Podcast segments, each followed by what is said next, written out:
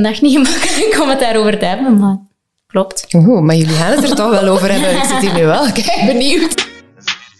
Welkom bij Working Apart Together, ofwel Wat, een podcast voor iedereen die meer wil weten over freelancen en alles wat erbij komt kijken. Wij zijn Linde, hey, Griet Hallo. en Carlien, drie freelance copywriters die alleen werken, maar eigenlijk niet zonder collega's kunnen. Dat was onder baas, hè? In deze podcast bespreken we de vragen en twijfels die al eens de kop opsteken in ons dagelijks leven als freelancers. Op de website van Wat, ditiswat.be, helpen we freelancers en ondernemers om zelf hun communicatie en marketing te nailen. Check ons cursusaanbod of subscribe op onze nieuwsbrief en ontvang om de 14 dagen een concrete tip. Door naar de aflevering, want in deze aflevering gaan we het hebben over je grenzen bewaken. Boundaries. Meer bepaald, hoe maak je je grenzen duidelijk aan klanten? En wat doe je als klanten er toch overgaan? Een groot voordeel van werken als freelancer vind ik dat je zelf je projecten kiest en ook je klanten kiest. Je bepaalt Yep. zelf, klikt het met die persoon of niet. Je krijgt geen projecten op je bord gepletst die je ding niet zijn, maar het heeft natuurlijk een keerzijde en dat is dat klanten soms niet zijn wie je dacht dat ze waren voordat je ging samenwerken. En dan, sommige mensen gaan over de grenzen van wat je afgesproken hebt of van je persoonlijk. Dus dat is niet oké. Ja, ik heb eigenlijk van Linde geleerd dat dat scope creep Ja. heet. Ja. Wanneer eh, klanten over de scope van het project creepen. Ja, ja, voilà, dus, Vooraf maak de afspraken over wat dat je precies voor die klant gaat doen. en dat is dan de scope. Ja, en hè, daar, de offerte hoort daar dan ook bij. En je denkt daar eerst over na, dan plakt ze daar een prijs op. Maar het gebeurt wel regelmatig dat klanten dan toch hier nog iets vragen of dat er ja, gaandeweg nog iets...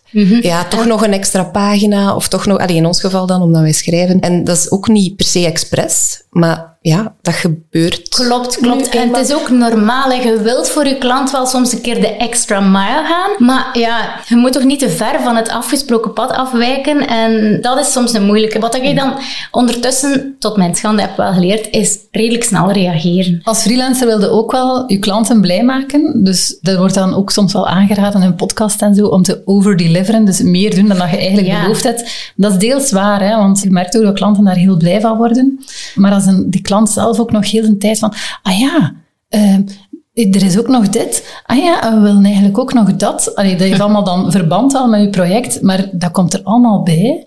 En ja, dan moet je eigenlijk beleefd, maar kordaat op de rem gaan staan of zo.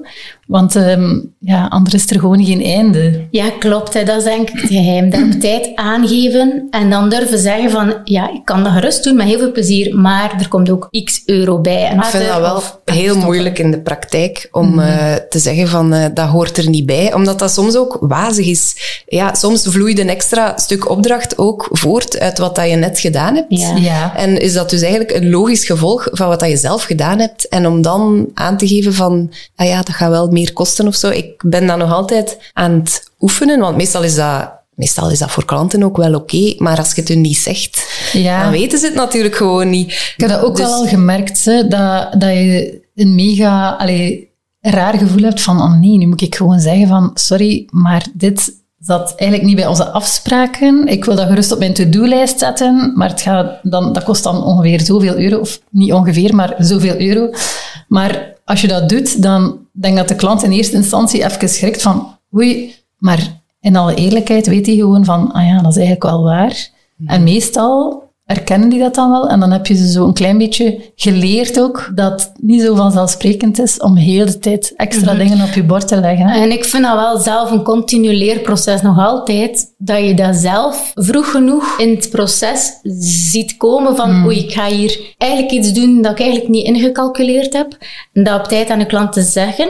Wat ik ook soms probeer te doen, is die dingen al vooraf te raden, zodanig dat ik een beetje marge Ik voor mezelf zeggen, heb genomen. Dat probeer ik nu ook, omdat ik weet hoe moeilijk dat is om achteraf dan nog te signaleren. Calculeer ik dat ook al in, in eh, ja, de tijd die ik er aan ga bezig zijn. Wat eigenlijk wel logisch is, want je voorziet altijd wel ergens tijd voor een correctieronde. Hoe duidelijker dan je afspraken in het begin zijn, hoe gemakkelijker dat is om te zeggen van, dat hoort daar eigenlijk niet meer bij. Dus ik denk dat dat, dat ook wel Ja. iets is dat belangrijk is om zo op voorhand heel goed die scope, waar we het dan over hadden, af te bakenen. Hè? Dan kan je heel makkelijk zeggen, ah, dat zit daar niet meer in.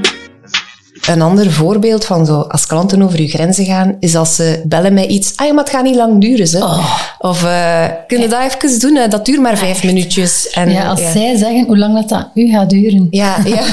dat niemand heeft onze agenda toch te bepalen. Kom aan. Allee, ik bedoel, ik wil altijd mij aanpassen waar nodig en een beetje meegaan met de planning van de klant en de agenda van de klant. Maar daar zijn wel grenzen voor. Hè. Niemand mag van mij verwachten dat ik poef alles ga laten vallen. Mhm. Daar is het een kwestie van nee durven zeggen. Maar ja, moeilijk, ik vind moeilijk, nog altijd moeilijk. Ja, dat geeft ook zo een rot gevoel, omdat je dan, je begint daaraan, al op voorhand opgejaagd eigenlijk. Want ja, gaat maar vijf minuten duren. Ja. ja dus uh, voordat je het weet, zit er toch weer een uur aan. Want ja. tegen dat je goed en wel weer ingelezen of ingewerkt zit in het project in kwestie. Ja, voilà. Dus dat geeft op allerlei manieren eigenlijk een vervelend gevoel. Ja, en ook daar is communiceren of heel duidelijk aan die persoon of klant dan zeggen van ik ga dat bekijken, ik ga zien of het in mijn agenda past, ik ga u laten weten hoe lang het mij gaat duren. Dus eigenlijk hem gewoon overrulen van vijf minuten, ik gooi dat gewoon in de vuilbak, wat hij zegt. Dat doe ik nu ook wel, want anders is dat gewoon ook super wazig voor je factuur achteraf. Hè. Voor dat ding dat maar vijf minuten duurt, ja, waar reken je daar dan? Niets duurt ooit maar vijf minuten. Nee.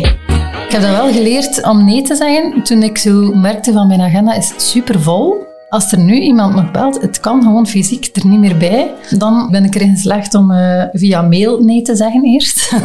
Telefoon. Dan begon mij dat te lukken van, uh, dat gaat niet lukken. Ik vond het wel altijd tof als ik kon doorverwijzen naar een andere freelancer, want dan allee, los je toch een beetje dat probleem op van die klant. Je wilt die toch gelijk altijd zo wat helpen. Maar als ze mij belden, dan ging ik er altijd aan, dan zei ik altijd ja.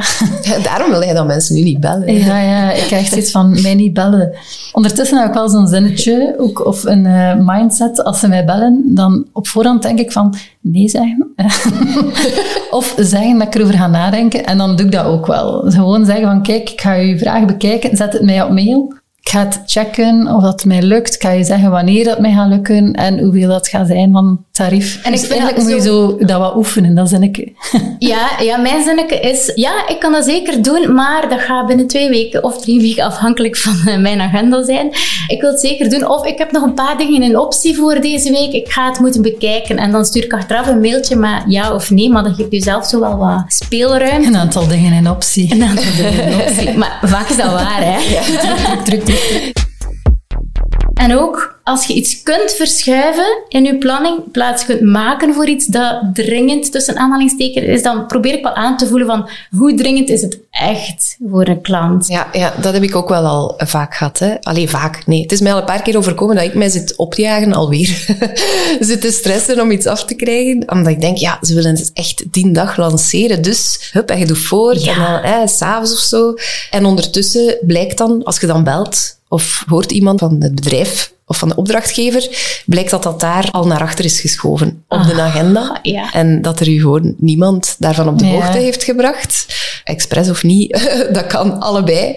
Dat ze denken, oh ja, we hebben het dan al. Maar ja, dat is wel echt stom als je daarvoor zit, uh, ja, s'avonds en in het weekend te werken. Maar, ja, dus ik denk... nu durf ik wel, als ik voel allee, dat het weer zover is, durf ik wel, en zeker als ik de klant al ken, gewoon bellen van, is het echt nodig die dag? Of zit er nog wat rek op? En meestal, ja, meestal zijn die als gebeld. Is niet zo. Ja, inderdaad. Doe maar maak het stuk niet op een paar dagen. Onze drang om onze klanten te willen helpen is ook een beetje een valkuil. Hè? Want om de duur ja, ga je er zelf het slachtoffer van worden of zo. Of, of worden gewoon allee, overwhelmed of, of overwerkt of burn-out of zo. Allee, ja, je moet echt je klanten een klein beetje zeggen van dit is mijn planning. Allee, we werken zo on my terms, niet on uw terms. Zo. Allee, ja, ja, ja. Het is ook, vind het ook wel een moeilijke, want ik vraag ook zelf altijd om een deadline, omdat zonder deadline blijf ook maar dingen naar achter schuiven. Dus zonder deadline werken gaat ook niet. Dus het is eigenlijk, eigenlijk is een, een constante zoektocht. Hè. En constant blijven praten met je klant. Ja, dat vooral. Maar het is ook wel leuk, allee, omdat je zo constante zoektocht, dan lijkt zo'n mega struggle in de woestijn. Nee, maar, maar, het is ook wel cool als alles dan zo op zijn pootjes terechtkomt en als je plan dan gelijk lukt en zo, en de klant is blij, je bent blij. Ja. Hoe, nog iets Bijvoorbeeld, je hebt een versie van een eerste draft van iets gemaakt of een eerste voorstel, je stuurt dat door en dan wacht die klant zo mega lang met geven van feedback. Oh ja. En hun deadline komt dat maar dichterbij en je zit dan zo van, hallo, wanneer komt die? En ja, dan geeft zij zo die feedback de dag ervoor en verwachten ze dat hij nog binnen de deadline ja, de, de, de aanpassingen gaat doen. Maar dan eigenlijk moet je dan ook al vooraf anticiperen. Ja. jij bent ook verantwoordelijk voor dat project. Ja, ja, ik doe dat zo. Ik zet dat in mijn offerte of in mijn eerste mail bij de opstart van de samenwerking, een soort van stappenplan. Als Ja. er een, een concrete deadline is, wanneer het af moet zijn, dan tel ik terug en dan zeg ik van oké, op dag dienendag krijg jij je eerste voorstel. Dan heb je zoveel tijd om feedback te geven en dan ga ik weer verder doen. En Ja. zo een paar keer over en weer, De klant ook afhankelijk van het geval. Zijn eigen verantwoordelijkheid wijzen. Hè? Precies, ja. En ook wel echt heel expliciet van als ik te laat feedback krijg, dan gaat de deadline meeschuiven. Ja, zij weten dat dan automatisch. Dan want weet hij het zelf, ja. Zij zien van, na mijn feedback heeft zij nog twee weken nodig, bijvoorbeeld. Mhm. En dan weet hij van, ja, als ik op dag X met een eh, feedback kom, dan eh, is twee weken wachten. Klopt, ja. Mag ik dat een keer kopiëren van u? Dat mag zeker. Dat is working apart together, hè? Maar er zijn ook klanten die gewoon vlak af vragen. Hè. Kun je het vanavond nog doen? Ja. Of kun je het in het weekend doen? Die er gewoon sowieso al van uitgaan. En meestal zijn dat zelf ook wel hardwerkende ondernemers. En die vinden dat dat daar wat bij hoort. Maar dat is nu wel eigenlijk net niet de reden waarom dat ik zelfstandig geworden ben. Dat is niet dat ik dat nooit wil doen. Maar ik kan wel zo wat, ja, daar kriegelig van worden. Maar je wilt daar gewoon zelf over beslissen, Voilà, hè? Dat is ja, het hele voilà. punt. Maar dan, Ja. dan krijgt hij gewoon bij mij wel een nee. Allee, Ja, of nog erger kan het vanavond. Het is iets kleins. het is maar vijf minuten. Dubbel. Echt waar. Oké, maar ja, je moet mensen ergens laten doorhebben dat je niet op elk moment kunt in de bres springen voor hen, want je hebt heel veel klanten. Zij zijn niet de enige voor wie je werkt en voor die anderen heb je ook allemaal deadlines en afspraken om na te komen. Nu, sommige klanten zijn ook niet zo gewoon om met freelancers te werken. Die zijn dat gewoon om aan hun eigen personeel allerlei opdrachtjes te geven. Ja, dat personeel is natuurlijk dedicated for the one and only Ja. eh, bedrijf. eh, maar door hen dan heel duidelijk mails te sturen met uw regels eigenlijk, leren ze dat wel een beetje. Hè? Ja, ik antwoord bijna nooit direct op een mail bijvoorbeeld. En als ik s'avonds een keer werk, dan moet, die klant, dan moet die klant dat niet weten. Oeh, ik ehm, heb daar een truc voor. Als Ah. ik mails stuur, s'avonds of in het weekend, dan druk ik niet gewoon op send, maar plan ik dat verzenden Oh. in. Met Gmail gaat dat, maar misschien wel met Ja. andere accounts ook. Vast wel. Dat is zo verzenden maandagochtend om 8 uur. Ja. Dus iedereen die vanaf nu mails krijgt om 8 uur stipt morgens, dat weet hij dat je daar eigenlijk s'avonds Zo zit dat dus, ja, het sloebertje. Eh, wij maar denken dat je al 's ochtends vroeg super productief bent. Echt, hè? Ik vond het altijd al verdacht. Niet helemaal on-brand. Maar sommige klanten zijn wel, allee, of lijken onverbeterlijk, soms op het toxische af. Je moet toch echt wel, ah ja, let's face it, sommige projecten, sommige klanten, die leveren nu gewoon meer gedoe op dan voldoening. Ja, man. En dan spreek ik nog niet over euro's. Echt, hè?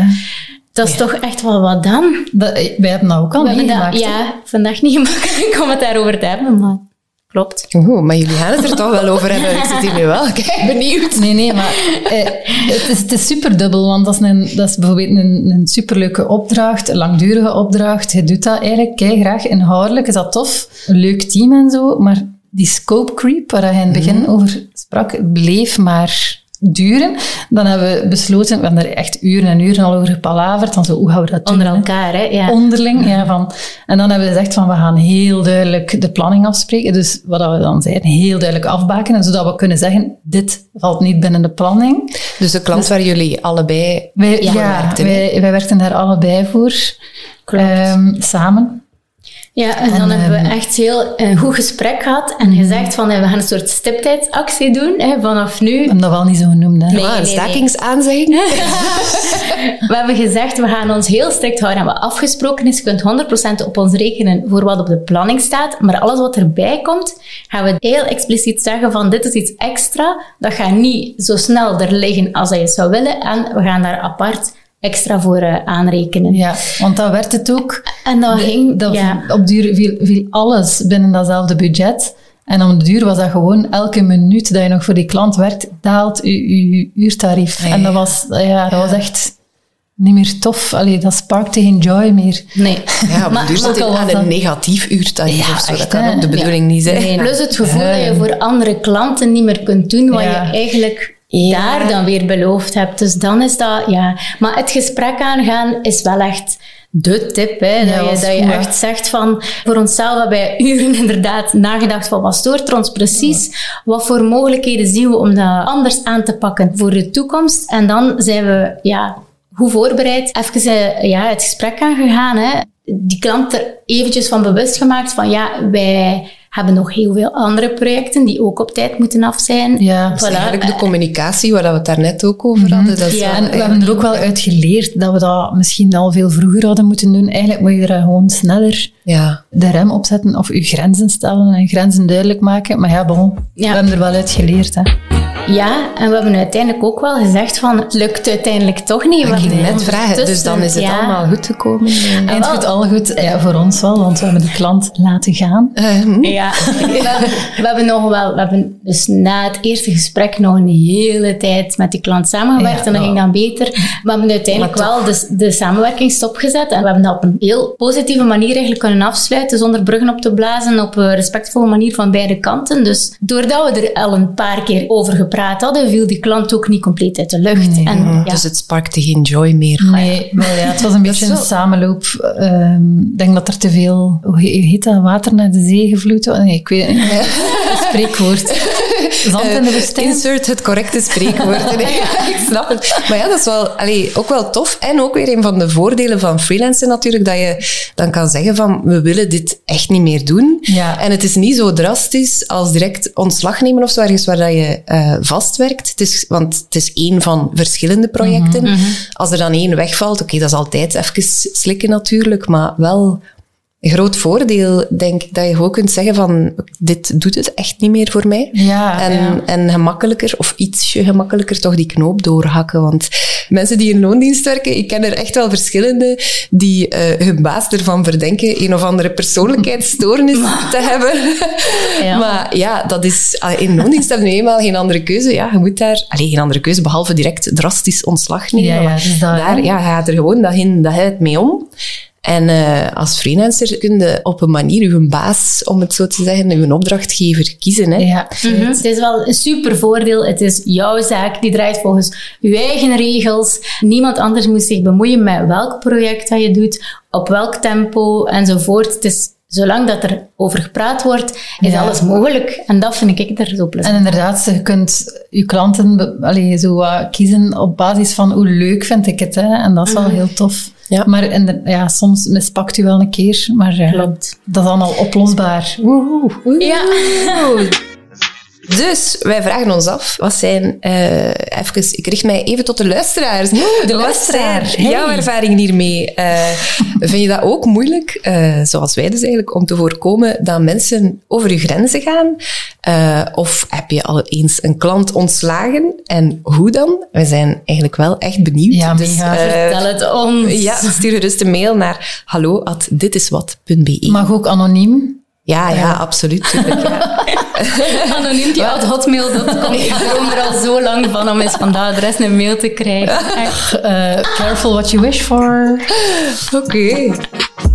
Dit was de podcast van Wat, ofwel Working Apart Together. Op ditiswat.be vind je ook een blog over dit onderwerp, naast vele andere tips voor freelancers. Heb je zelf tips, aanvullingen of vragen? Laat het ons dan zeker weten via onze sociale media of stuur een mailtje naar hallo@ditiswat.be. Nog even een woordje van dank. Ruben Boisdin monteerde deze podcast en de muziek is van de ongeëvenaarde Gentse hiphopper Rick de Beek.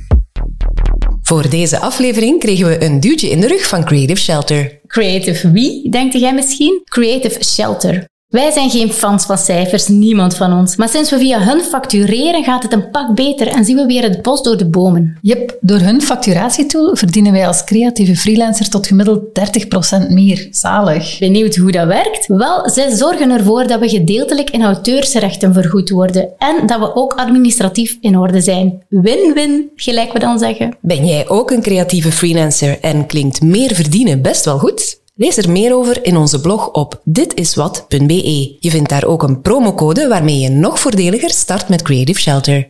Heb je iets gehad aan deze marketingtips? Wacht dan tot je onze zeven superconcrete hacks hoort om je zichtbaarheid als ondernemer meteen te vergroten. We delen die zeven concrete marketingacties tijdens een gratis webinar op 23 mei om 12 uur 's middags. Breng je eigen boterhammetjes, want het is van achter je computer te doen. Dus ga nu naar onze site ditiswat.be en registreer u zodat je die zeven hacks ook te weten komt. Als je deze podcast trouwens tof vond, abonneer u dan zodat je de volgende afleveringen zeker niet mist. En deel eens op social media waar je luistert. Ah ja, en als jij een vraag in de Fuchsia Vragentrommel wilt stoppen, mail ons op hallo.ditiswat.be of stuur een berichtje op socials. We zijn alvast super benieuwd. Op onze website ditiswat.be staan alle links en tips die we in deze aflevering al dan niet gevraagd naar je hoofd hebben gegooid, dus ga zeker ook daar eens kijken. En dank u wel, Watje, om te luisteren. Doei!